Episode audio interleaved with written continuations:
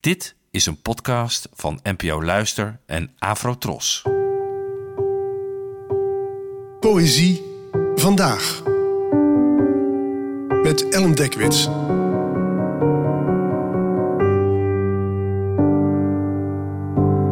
Hallo, fijn dat je luistert. Het gedicht van vandaag heet Dingen waarvan ik me voorstel dat ik ze aan mijn dochter vertel. Van de Ethiopische dichteres Bilal Seyum, geboren in 1982 en vertaald door mij. Dingen waarvan ik me voorstel dat ik ze mijn dochter vertel. Trek je rok op en spring, Aurora. Je bent geen kind van angst. Laat de zomen bemodderd zijn, schroei de franjes in gesmolten mat. Het is niet jouw schoonheid die ze zullen horen. Eet naar hartelust en laat ze je dik noemen.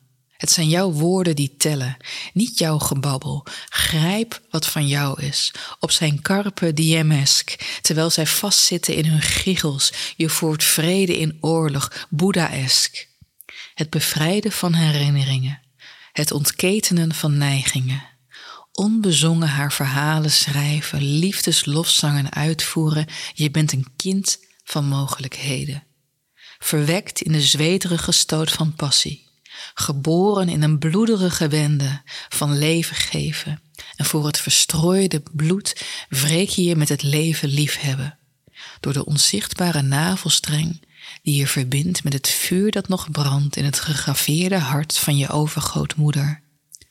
Bevraag het orakel. Je zult de vlag van mededogen dragen en ermee zwaaien tussen tektonische platen ter wrijving, verleidt ze om één te worden en likken de aanzwellende tsunamis terugbouwen.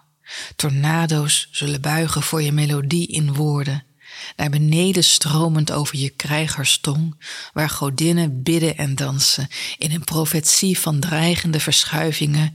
Je gaat verschuiven en transformeren. Haat lawines bloedorkanen zal hun aanhoudende gefluister marineren in een betoverende symfonie van post-ego-potentieel.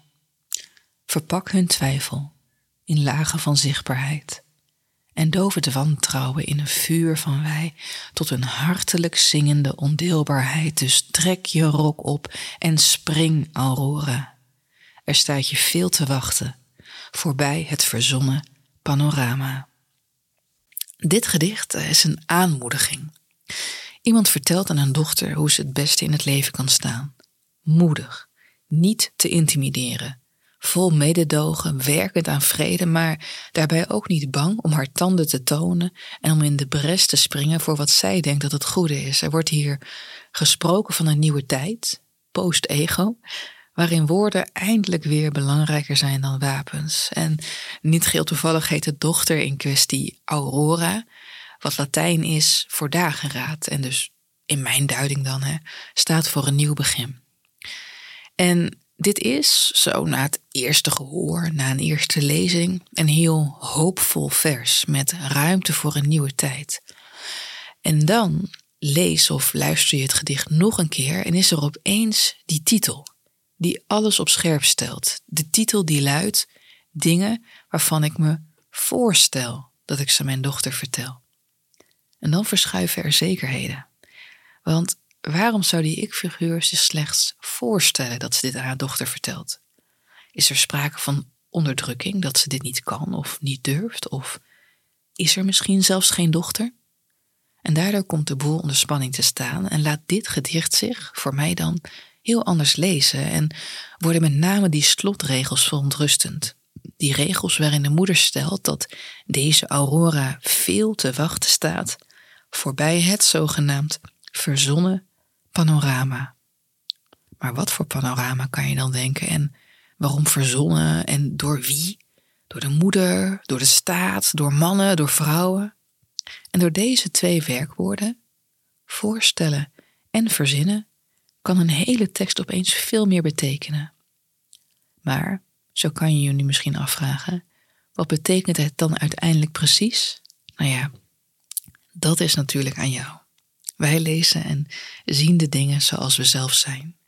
Zoals we hier ook iets kunnen lezen van onze eigen fantasie, onze eigen verbeelding en misschien wat we zelf ooit nog aan onze eigen dochters zullen willen vertellen.